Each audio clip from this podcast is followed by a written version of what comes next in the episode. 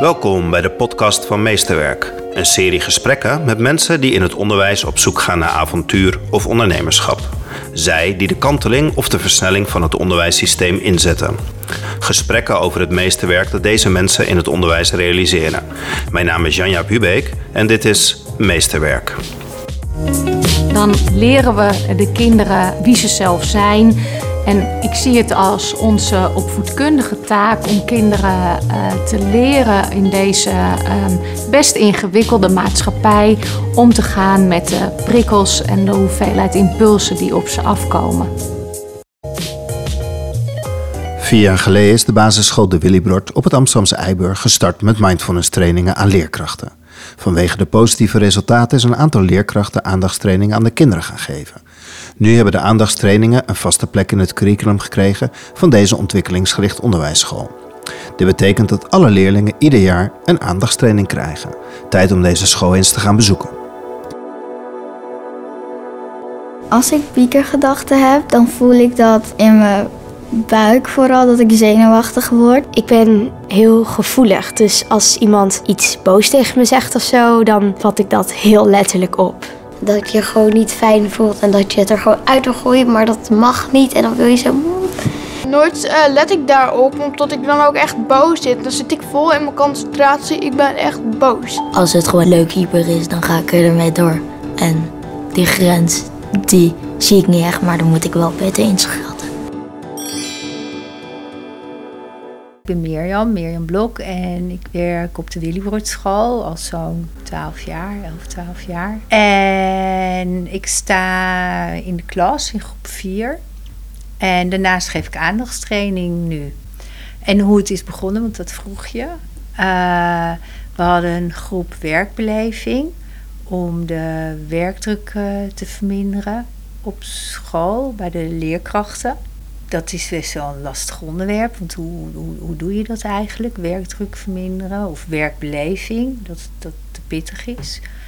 En toen kwam ik toevallig in mijn vrije tijd in de Biep een boekje tegen. En dat heette volgens mij Mindfulness op het werk. En dat ben ik gaan lezen en dat heb ik toen aan Ellen gegeven. Ellen, jij bent directrice op deze school. Ja. Uh, hoe kwam dat naar boven dat er een grote werkdrukbeleving bij de docenten was, bij de leerkrachten? Um, nou, daar waren mijn collega's heel duidelijk in. Die uh, gaven dat gewoon aan, dat ze dat ervaren. En um, dat ze daar last van hadden. En dat zijn we gaan proberen te analyseren. Maar dat is een lastige. Ja. dus ik heb een, een klankbordgroepje om me heen verzameld, uh, waaronder Mirjam. En uh, zijn we naar die werkdruk gaan kijken.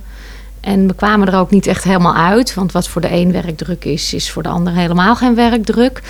En uh, tegelijkertijd hebben we allerlei uh, kleine dingetjes proberen te veranderen in onze werkwijze, in onze organisatie, in onze handelingen. En dat had wel een beetje effect, maar uh, nog niet het gewenste effect. Toen ik het boekje van Mirjam kreeg, ben ik dat gaan lezen. Het was gelukkig een heel dun boekje. het was heel concreet. En ik dacht wel eerst, oh jee, ik ben niet zo van een zweverige. Um, maar ik werd er echt door geraakt en, ik, en het pakte me. En wij hadden hier een moeder op school die mindfulness gaf, dat wist ik. En toen uh, dacht ik, nou, ik ga eens met haar praten of zij iets voor mijn collega's uh, kan betekenen. En met die werk met die klankbordgroep, met het werkgroepje en die moeder hebben we uh, besloten om zelf als leerkrachten um, eens een achtweekse training te gaan doen omdat we er eigenlijk zelf van overtuigd waren, dit zou best wel eens het ding kunnen zijn. En wat me dan raakte, uh, was uh, bijvoorbeeld prioriteiten stellen. Um, zacht zijn voor jezelf. Niet altijd alles maar af hoeven te hebben. Daarvan dacht ik, oeh, dat zou best wel uh, effect kunnen hebben op mezelf en op mijn collega's. Nou ja, om een heel lang verhaal kort te maken, uh, wij zijn uh, acht weken in training gegaan. Met elkaar, met tien collega's. ik mocht als leidinggevende meedoen, mijn twee adjuncten ook. En um, nou, we waren eigenlijk flabbergasted over de gevolgen en de consequenties uh, die het uh, met zich meebracht. Ja. Want voelde je het zelf ook, de enorme werkdruk? Ehm, ja, ik begreep wel goed wat mijn collega's bedoelen. ehm, maar ik vind mijn werk heel erg leuk. Dus dan eh, scheelt het al heel erg eh, in, in hoe je het ervaart. Dus ik vind het niet erg om ietsje langer, ietsje meer, ietsje harder te werken. Eh, maar weet wel dat het nooit af is. Dat het eh, soms frustrerend is. Dat je niet voor elkaar krijgt wat je voor elkaar wil krijgen. Eh, ehm, dus dat herken ik wel. Ehm, Ja, en Ja. Voelde je het ook in jezelf wegglijden toen je met die acht, achtweekse training ja, bezig ik was? voelde wel dat het wat bij me, dat het bij me deed. Wat Eh, deed het? Ehm, dat ik zachter werd, dat ik me beter in kon leven in de mensen om me heen. Eh, dat ik goed prioriteiten leerde stellen, terwijl ik dacht dat ik dat best wel kon. En ik vond het nog mooier om te zien wat het bij mijn collega's deed. Ik dacht, eh, nou ja, twee of drie prachtige processen van mensen, persoonlijke processen gezien, van heel dichtbij. En dat mochten we ook met elkaar eh, allemaal delen. Dat was al heel, heel bijzonder. Leerkrachten die echt op het punt stonden om ehm, het onderwijs uit te gaan, ehm, die tegen een burn-out zaten of een burn-out hadden gehad en niet meer wisten ehm, of ze het onderwijs nog wel ehm, leuk genoeg vonden of geschikt genoeg vonden. Ja. Mirjam, jij zei het zo mooi. Ik, ik sta in de klas, hè, dus ik beluister dat je tussen de kinderen bezig bent, acteert de hele dag. Jullie zijn een school voor ontwikkelingsgericht onderwijs. Het is ook eindeloos, hè, dus jullie gaan vertrekken helemaal vanuit de beleving van kinderen. Ehm, wat deed bij jou toen je met die mindfulness, met die acht weken bezig was? Wat er met, met het werk met jou in de klas gebeurde? Ik ervaarde niet zozeer stress in mijn werk. Want ik vind ook het beroep leerkracht prachtig en, en mooi. Ehm, maar wat je wel voelt is altijd dat, dat je ehm, tekortschiet of zo. Of dat je het niet af hebt. Of eh, dat je niet voldoet aan iets. Of ehm, dat is een, een, een aspect wat ik, wat ik merkte. Is dat inherent aan de visie van de school over het ontwikkelingsgerichte? Of is het inherent aan werken met mensen? Nou, je- misschien wel, maar ik kom wel uit een andere wereld. En dat, dat uit, de, uit een bedrijfsleefomgeving, daar heb ik dat niet nooit gehad.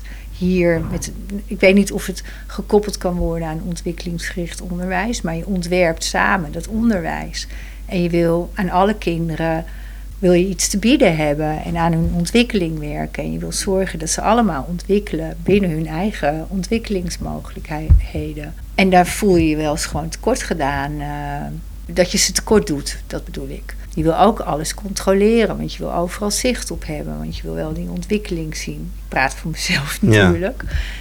Die achtweekse training, die MBSR-training die we toen deden, heeft mij wel inzicht gegeven ehm, dat je dat eigenlijk allemaal helemaal niet hoeft te doen. Dat je, dat je ook dingen kan laten gaan en een afstand kan nemen van dingen en er dan eens naar te kijken en eh, eh, ruimte te geven. Dus niet alles te controleren. Wat, wat gebeurt er dan hè, als je het loslaat? Dus het geeft je heel veel zelfinzicht.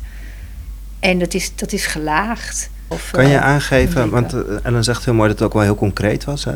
Kan je aangeven wat, wat er in jouw dagelijks handelen veranderde in de klas?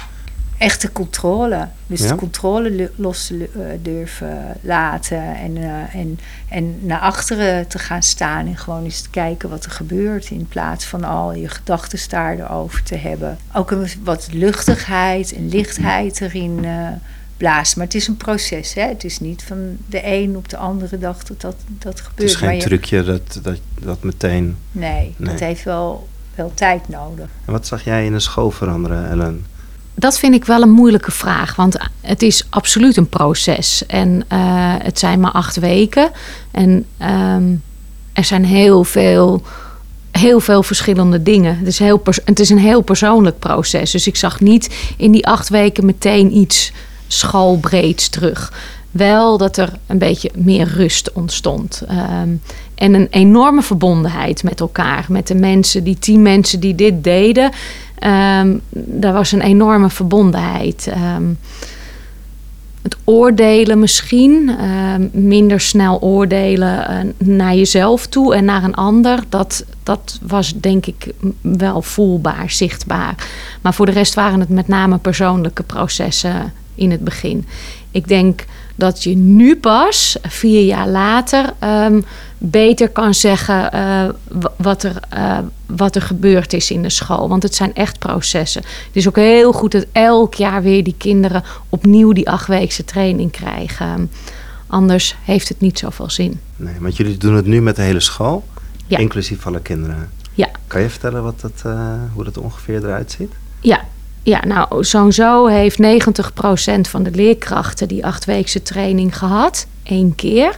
En we gaan nu uh, kijken uh, wie er volgend jaar een tweede uh, training zou willen. Dat doen we allemaal op vrijwillige basis. Ik ben, ben ervan overtuigd dat als je zoiets gaat verplichten, dat het niet werkt. En de kinderen die krijgen van Mirjam volgend jaar voor de derde keer hun training. En de ene krijgt het dus de eerste, het eerste kwartaal en de andere het laatste kwartaal. En er zijn zelfs al kinderen die in de pilotgroepen zaten, die het nu voor de vierde of de vijfde keer tot zich krijgen.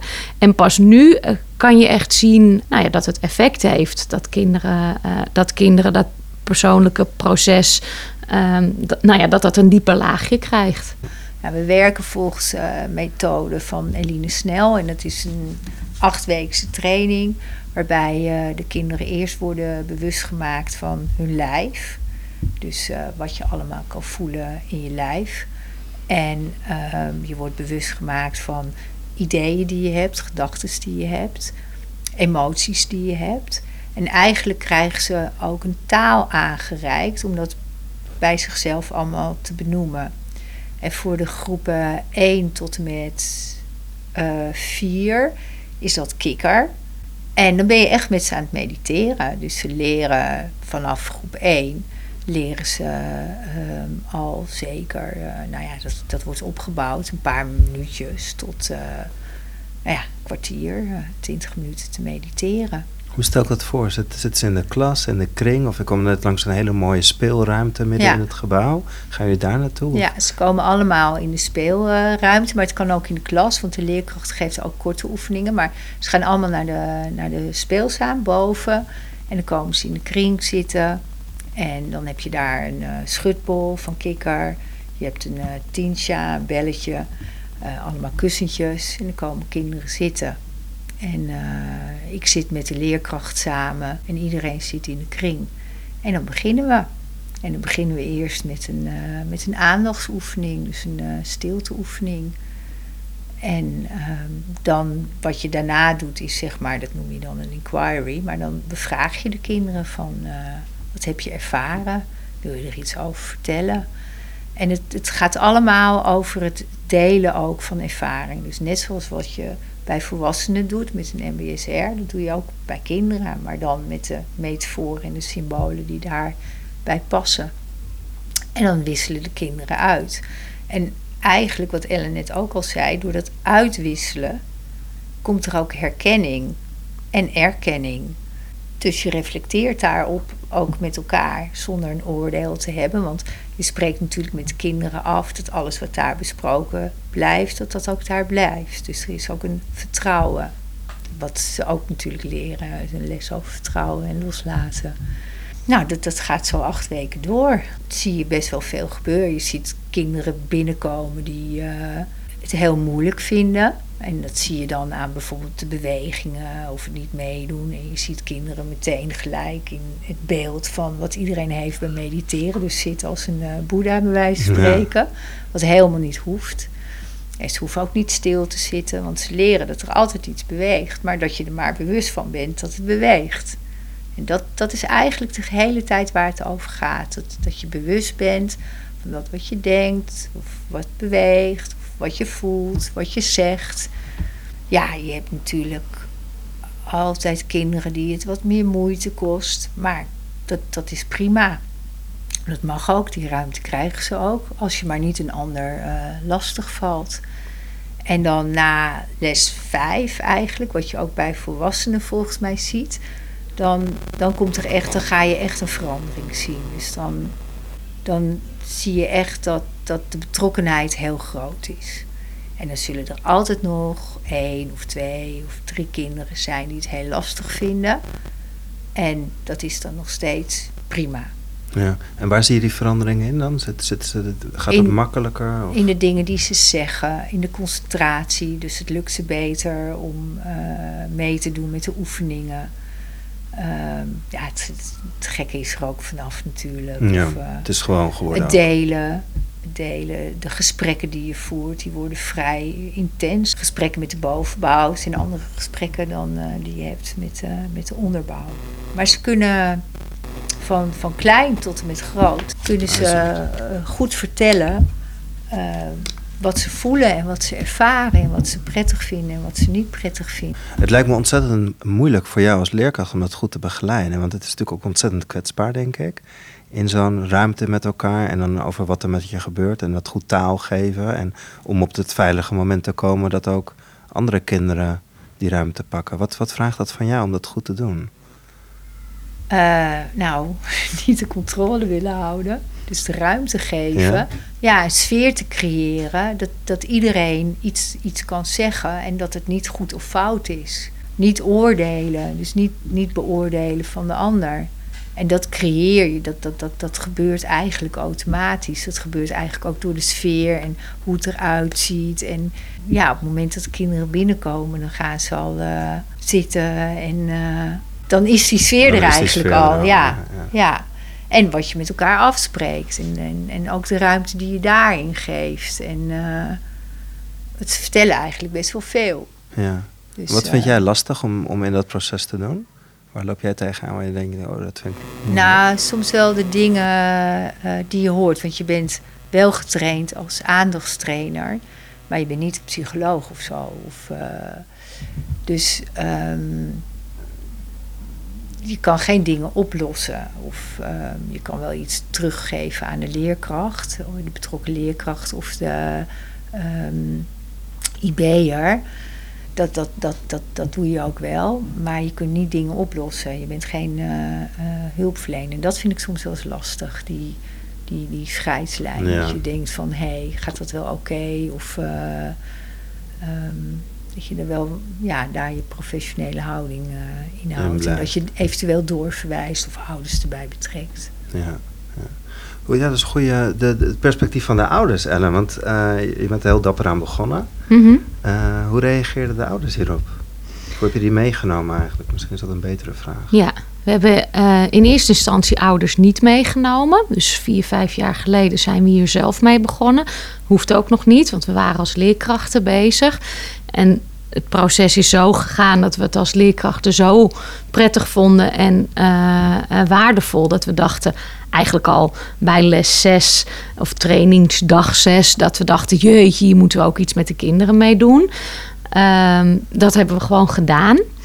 Ehm, en toen we met de, met de groepen waar we, waar we mee aan de slag gingen, eh, zagen dat het ook daar effect hadden. toen zijn we heel voorzichtig gaan communiceren. En heel voorzichtig, ehm, eh, omdat we hier een, paar jaar daarvoor eh, slechte ervaringen mee hadden gehad. Toen was er binnen een groep ehm, eh, een, een externe gaan mediteren en, en de aandachtstraining gaan doen. Dat had toen te maken met een kind die dat zelf deed en waarvan de, de, zeg maar de mindfulness juf zei van... oh, hier wil ik wel wat mee in de klas doen. Eh, daar hadden ouders eh, behoorlijk fel op gereageerd in de trant van... oh, dit is te zweverig en hier wil ik niet dat, eh, dat de school tijd aan besteedt.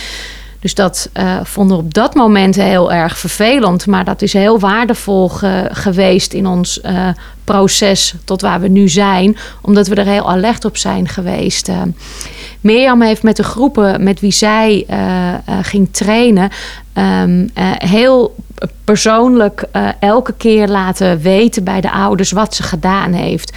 Ze vertelde heel feitelijk ehm, wat er eh, gebeurde en ook hoe ze het ervaren had en wat het voor de kinderen betekende.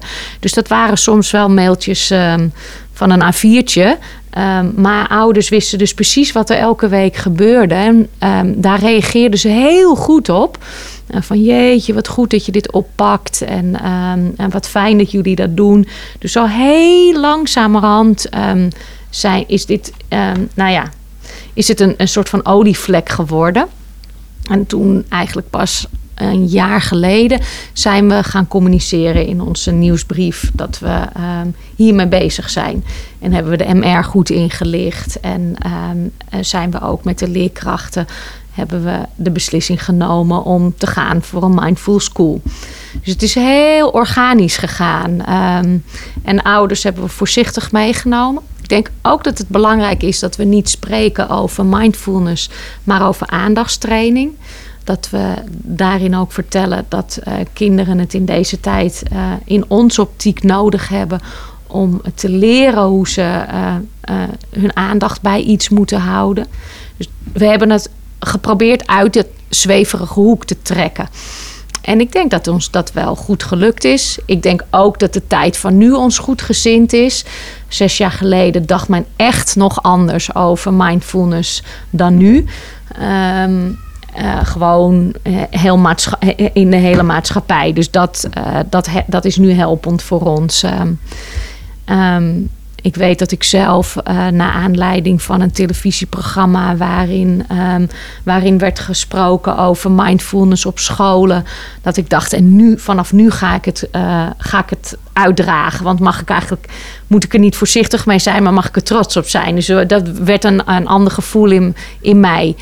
En uh, toen durfde ik het ook op open dagen uh, uh, te vertellen. En toen dan zie je ook hoe ouders reageren. En eigenlijk dat iedereen zoiets heeft. Oh, wat goed en wat fijn dat jullie daar aandacht aan besteden. Ja, ja. eigenlijk zie, heel positief. Ja. ja. Zie je ook dat dat echt ook iets aantrekt? Zijn er ook ouders die daar speciaal voor denken van... hé, hey, dat past erbij? Ja. Wat, wat voor reacties krijg je terug? Nou, dat uh, ouders het heel bijzonder vinden. Dat ze vinden dat we lef hebben. Um, en ja, dat, of, of, of, ouders met hele jonge kinderen die daar bewust voor kiezen. Um, omdat ze het zelf belangrijk vinden of omdat ze er zelf goede ervaringen mee hebben. Ja, de mensen die dat niet hebben of niet willen, die spreek ik natuurlijk. Nee, die komen niet. Die, die komen van, niet. Nee. Ja, want nu profileren we ons ja. um, daarmee. Ja, want dus, het staat echt gewoon uh, op de voorgevel. Ja. Er is een enorm leraartekort. Uh, een van de dingen die je hoort is salaris en het tweede is die werkdruk. Ja. Zie je daar een verschuiving in, in aan die werkdruk? Of zijn er leerkrachten die zeggen: hé, hey, ik wil wel op een school werken die mindfulness in zijn, uh, op zijn gevel heeft staan? Trekt het aan? Ja, ja, ik heb, uh, uh, ja, ik heb wel collega's die daar uh, speciaal op gekomen zijn. die, daar, ja, die daarvoor gekozen hebben. Of LIO'ers die kiezen voor onze school omdat ze dit interessant vinden. Ja, Om te kijken. Dus, ja, net zoals het kinderen en ouders aantrekt, trekt het ook collega-leerkrachten. Ja. Als jij zes jaar geleden terugzoomt en naar nu kijkt, wat is dan het mooiste wat, wat het, dit proces de school gebracht heeft aan de kinderen? Nou, er zijn er wel een paar. Ik vind, uh, we hebben het er nog niet over gehad, maar ik vind de stap die we naar ouders hebben gezet afgelopen jaar. Mirjam heeft um, um, um, een achtweekse training met ouders gedaan. Die stap vond ik heel erg mooi. Mm-hmm. Uh, vond ik ook spannend, maar misschien daarom juist dat dat zo positief was. Ze heeft in de evaluatie alleen maar negens en tienen gekregen. dus dat betekent dat dat gewoon een een soort van gat in de markt is. Uh, laat ik het anders zeggen, dat ouders dit nodig hebben, waarderen dat dit aangeboden wordt. Ze gaan dezelfde taal spreken als wij. Um, dus dan wordt het gewoon echt een gemeenschap. Nou, dat vind ik echt heel tof. Um, maar het filmpje maken, um, er staat een filmpje op onze site um, over, over mindfulness en waarom we dat doen. En die hebben we met kinderen gemaakt. Het is een filmpje van zeven minuten, maar we hebben er uh, twee hele zaterdagen aan gewerkt met elkaar. Wat ik toen teruggekregen heb van kinderen, nou, ik was helemaal flabbergasted. Helemaal uh, ontroerd ook, uh, zonder voorbereiding gingen kinderen voor de camera aan Mirjam vertellen um, waarom ze zo blij waren dat wij dit deden. En toen dacht ik, ja, Elle, hier, uh, hier doe ik het voor. Uh, dit is waarom we, waarom, nou ja, we hier inzet op plegen. Ja. En daar heb je ook een aandachtstraining bij nodig, want uh, je moet wel controle hebben over wat je aan het doen bent. En je moet ook kalm zijn en niet helemaal gaan stressen, want dan kan het misgaan bij je patiënt. En dat wil je natuurlijk niet. Aandachtstraining heeft me heel erg geholpen daarmee. Want uh, dan ga ik een aparte plek nemen. Dan ehm, ga ik rustig doen, dan ga ik me concentreren op mezelf. Dus dat doe ik dan.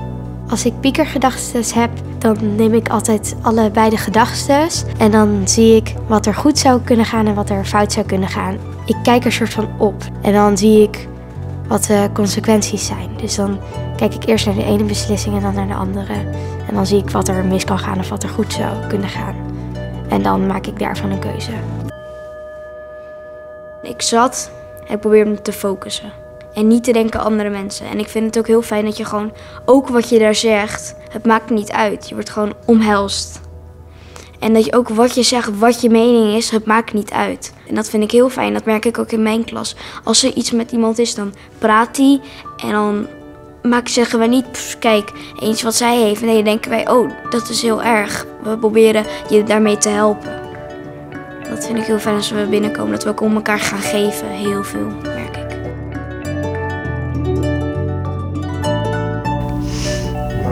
Ja. En wat, heeft het, je- wat, wat zie jij terug in die paar jaar van, van deze route inrichten? Het is heel moeilijk natuurlijk om dat aan de aandachtstrainingen te koppelen. Maar ja, ik denk toch wel dat ik kan zeggen dat. eh, want je hebt, je hebt geen wetenschappelijk onderzoek gedaan of wat dan ook. Maar wat ik zie is de taal die de kinderen gebruiken. Ehm, als ik kijk in de klassen en in die groepen, hoe zij hun eigen eh, gevoelens of emoties onder woorden kunnen brengen. En hun gedachten, ja, dat, is al eh, ontzettend knap. En ook kunnen aangeven van, hé, hey, ik merk nu dat het in mijn buik begint te kriebelen. Of eh, in mijn hoofd begint te dwarrelen. Ik ga eventjes een andere plek zoeken in de klas. En ik kijk weer eventjes zodat ik kan terugkomen zonder ehm, boosheid of eh, zich boos voelen of wat dan ook. Maar het, het al voor kunnen zijn. Dat is wat ik echt ook zie in de klas. En ehm, ehm, of als, als, je, als je je niet zo prettig voelt, of juist als je je heel euforisch voelt of zo, dat ze dat kunnen benoemen en dat ze van zichzelf kunnen weten van wat ze daarbij nodig hebben. Dat, dat vind ik echt super knap. En, en, en de verbindingen die ze leggen met elkaar en eh, ervaren dat woorden toch ook wel eh, ehm, iets heel moois kunnen brengen of iets heel pijnlijks kunnen brengen. Dat die hele bewustwording bij kinderen, dat, dat, ik denk dat ik dat wel zie, ja. En Ja. Ik, eh, eh, of bijvoorbeeld, ik zeg maar wat, ik ga een toets doen of zo. En dan doen we eventjes een, eh, een korte aandachtsoefening. En dan zijn ze hartstikke blij, want dan kunnen ze met volle focus kunnen ze die, die, die toets maken. Of eh, als, we, als we keihard hebben gewerkt, om even een korte shake-oefening, milkshake-oefening te doen. Om alles, spanning weer uit je lichaam te krijgen en weer, weer naar de volgende stap eh, te kunnen gaan. Dat, dat is, dat is wat, ik, wat ik ervaar bij de kinderen. En ook wel, ja, ik heb nu de mazzel dat ik dit mag geven hier op school. En alle kinderen eh, die training geven. En ook de relaties die je krijgt met kinderen die je niet in je groep hebt. Die even langskomen voor een heel kort gesprekje. Of juf, kan je me helpen? Of eh, wat moet ik doen? Ik moet een toets doen. En eh, ik maak me er zo druk over. Nou, dan ga ik bijvoorbeeld kaartjes trekken of zo. Dat zijn dan helpende gedachten die zou kunnen helpen. Die leggen ze, krijg ik terug van de leerkracht. Ze heeft tijdens de hele CITO-periode heeft ze, heeft ze die kaartjes eh, op tafel gelegd. En eh, dat heeft haar geholpen om het te kunnen maken. Dus mm, een faalangstig eh, kind. En nou, die, die helpende gedachten hielpen haar om, om door te zetten. Dat, dat is eigenlijk wat ik er terugzie. Ja, Briefjes mooi. die ze elkaar schrijven of tekeningen die ze geven. ja. En Ellen zei net dat, dat ze het wel ook wel een beetje een spannend moment vond, maar dat het zo mooi was dat die ouders meegingen. Is dat ook een beetje, heeft dat het versterkt eigenlijk nog? Dat, die, dat de school, de ouders en de kinderen eh, meer die ge- gezamenlijke taal spreken en aandacht geven aan aandacht eigenlijk? Is dat een, is dat een, een, een succeslaag waar jullie heel rustig naartoe hebben gebouwd hoor, maar is dat een onderdeel van succes? Of? Ik krijg van die ouders in ieder geval terug dat ze dit niet hadden willen missen. Dus die zijn echt, die, die tien ouders die dit nu hebben gedaan, dat was een pilotgroepje ook, krijg ik van terug naar, dat, dat had ik eerder moeten doen. Allemaal, unaniem. Want de gesprekken die ik nu met ze heb, we hebben net weer een hele cyclus, gesprekkencyclus gehad. En ouders die hier aan mee hebben gedaan en hun kinderen natuurlijk. Je krijgt toch een ander gesprek. Ja. Je krijgt eh, veel meer wederzijdse afstemming. En de taal die je praat gaat veel, veel meer de diepte in. En je bent daar al sneller. Het heeft, niet, het heeft minder tijd nodig om, om Ja. daar het gesprek over te voeren. Ja, als je het nu hebt over onrust of zo, of eh, over controle hebben, of eh, oordelen, dat soort dingen, heb je toch met deze ouders een iets ander gesprek. Als je nou als school hier naartoe wil bewegen, wat zijn de. eh, heb, je, heb je tips of zo? Waar, waar ga je beginnen? Ja, ik heb zeker wel tips. Waar je gaat beginnen is bij de leerkrachten. Ja? Dat zou, ik zou dat echt niet andersom doen. Ehm, terwijl eh, Eline eh, eh, hier geweest is op school en aangeeft dat eigenlijk iedereen dat wel doet. Die begint bij de kinderen. Dat zou ik echt dat zou ik gewoon niet doen. Gewoon, want je moet iets uitdragen wat je zelf moet snappen. Ehm, dus denk ik dat, dat leerkrachten eerst aan zet zijn. En, ehm, ja, en ik zou eh, ook de ouders niet vergeten. Eh, want ik denk dat het echt eh, cruciaal is. ehm, en dat is overigens bij alles. Bij alles wat je doet, ehm, moet je ouders betrekken. Maar niet alleen maar informeren. Dit, is, dit is ook iets wat je zelf moet ervaren. Zou je het met, met kinderen en ouders kunnen doen? Tegelijkertijd? Ja? Oh, dat zou vast kunnen. Heb je het overwogen? Nee. Nee. Nee. Nee, want we doen het ene onder schooltijd en met ouders doen we buiten schooltijd. Ehm, wat we met ouders doen is ook heel erg op opvoeding gericht. Dan zou je de, eh, de training anders in moeten steken. Maar je zou zeker wel eh, wat met ouders kunnen doen. Mirjam is ook eh, vorig jaar ehm, met een aan, in, een, in een kleine groepje met een aantal kinderen aan de slag gegaan die het heel moeilijk vonden. Dus die wat meer, ehm, nou ja, eigenlijk gewoon wat extra ondersteuning op dit gebied nodig hadden. Aandacht. Ja, met extra aandacht, zoals je dat ook doet bij rekenen en taal. Eh, een soort van pre-teaching. Ehm, nou, dat, dat zou je bijvoorbeeld ook met, met ouders kunnen doen. Ehm, en dan bedoel ik, dan zou je de ouders erbij kunnen halen. Dat zou misschien heel erg helpend zijn. Ehm ben eigenlijk nog nooit over nagedacht. Nou, wat wel zo is, is dat de ouders eh, oefeningen doen met hun kinderen thuis. Maar dat, dat is niet verplicht of zo. Maar het is wel fijn als ze dat doen. Want dan doen ze het samen. Dus dan gaan ze samen eh, een eh, meditatieoefening doen, of een bewegingsoefening, of een bodyscan. En dat is natuurlijk wel heel mooi, want als ze dan ook samen gaan uitwisselen, merken ze ook op samen waar ze tegenaan lopen of wat ze fijn vinden. Ja. En hoe belangrijk is dat het vignet eh, mindfulness er, erbij hangt? Is dat gewoon een bevestiging van wat jullie doen? Ja. Ja? Ja, dat was eigenlijk niet zo belangrijk. Want we doen wat we doen. We vonden het gewoon leuk. Ja, Ja. het is verankerd daarmee. Ja, daarmee eh, Ja. geef je Ja. iets naar de buitenwereld eh, aan. En hoe is het met de werkdruk? Want dat was eigenlijk het begin van de zoektocht, stelde Ja. je net. Ja. Hoe wordt die nu beleefd? Ehm, nou, het is wel heel grappig. We hebben een RINE gehad eh, vorige week. En dan is een van de onderdelen de eh, ervaren werkdruk. En ik kreeg eh, grote complimenten van degene die hem af heeft genomen omdat hij in al zijn vragenlijsten geanalyseerd had dat, dat de werkdruk hier ehm, eh, op orde is. En dat er veel aan gedaan wordt. En dat mijn collega's dat ook aangeven. Dus ehm, ik ga niet zeggen dat de werkdruk weg is, maar er wordt wel eh, aandacht besteed aan de werkdruk. En dat is wat leerkrachten eh, prettig vinden.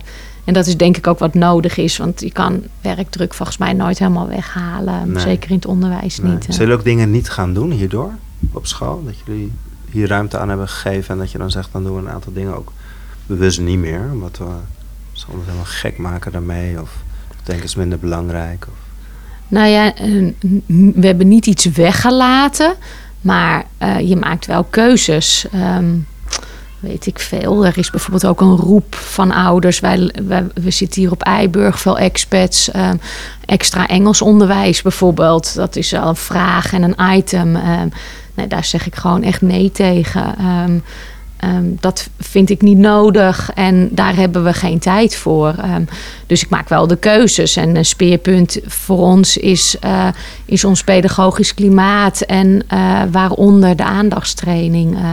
en we willen nog wat stapjes zetten daarmee. We zijn er nog niet helemaal klaar mee. Ehm, dus we houden wel dingen af. Maar ik kan nu niet echt iets bedenken. Nee, maar je, be- je bewaakt de ruimte dat het er ik is. bewaak zeker de ruimte. Ja, ja, Ja. dat probeer ik wel te doen hoor. Ja. Ja. En wat meer, waar ligt jouw verlangen nog? Want je doet het nu een paar jaar. Je straalt er ook helemaal bij Eh. over vertelt.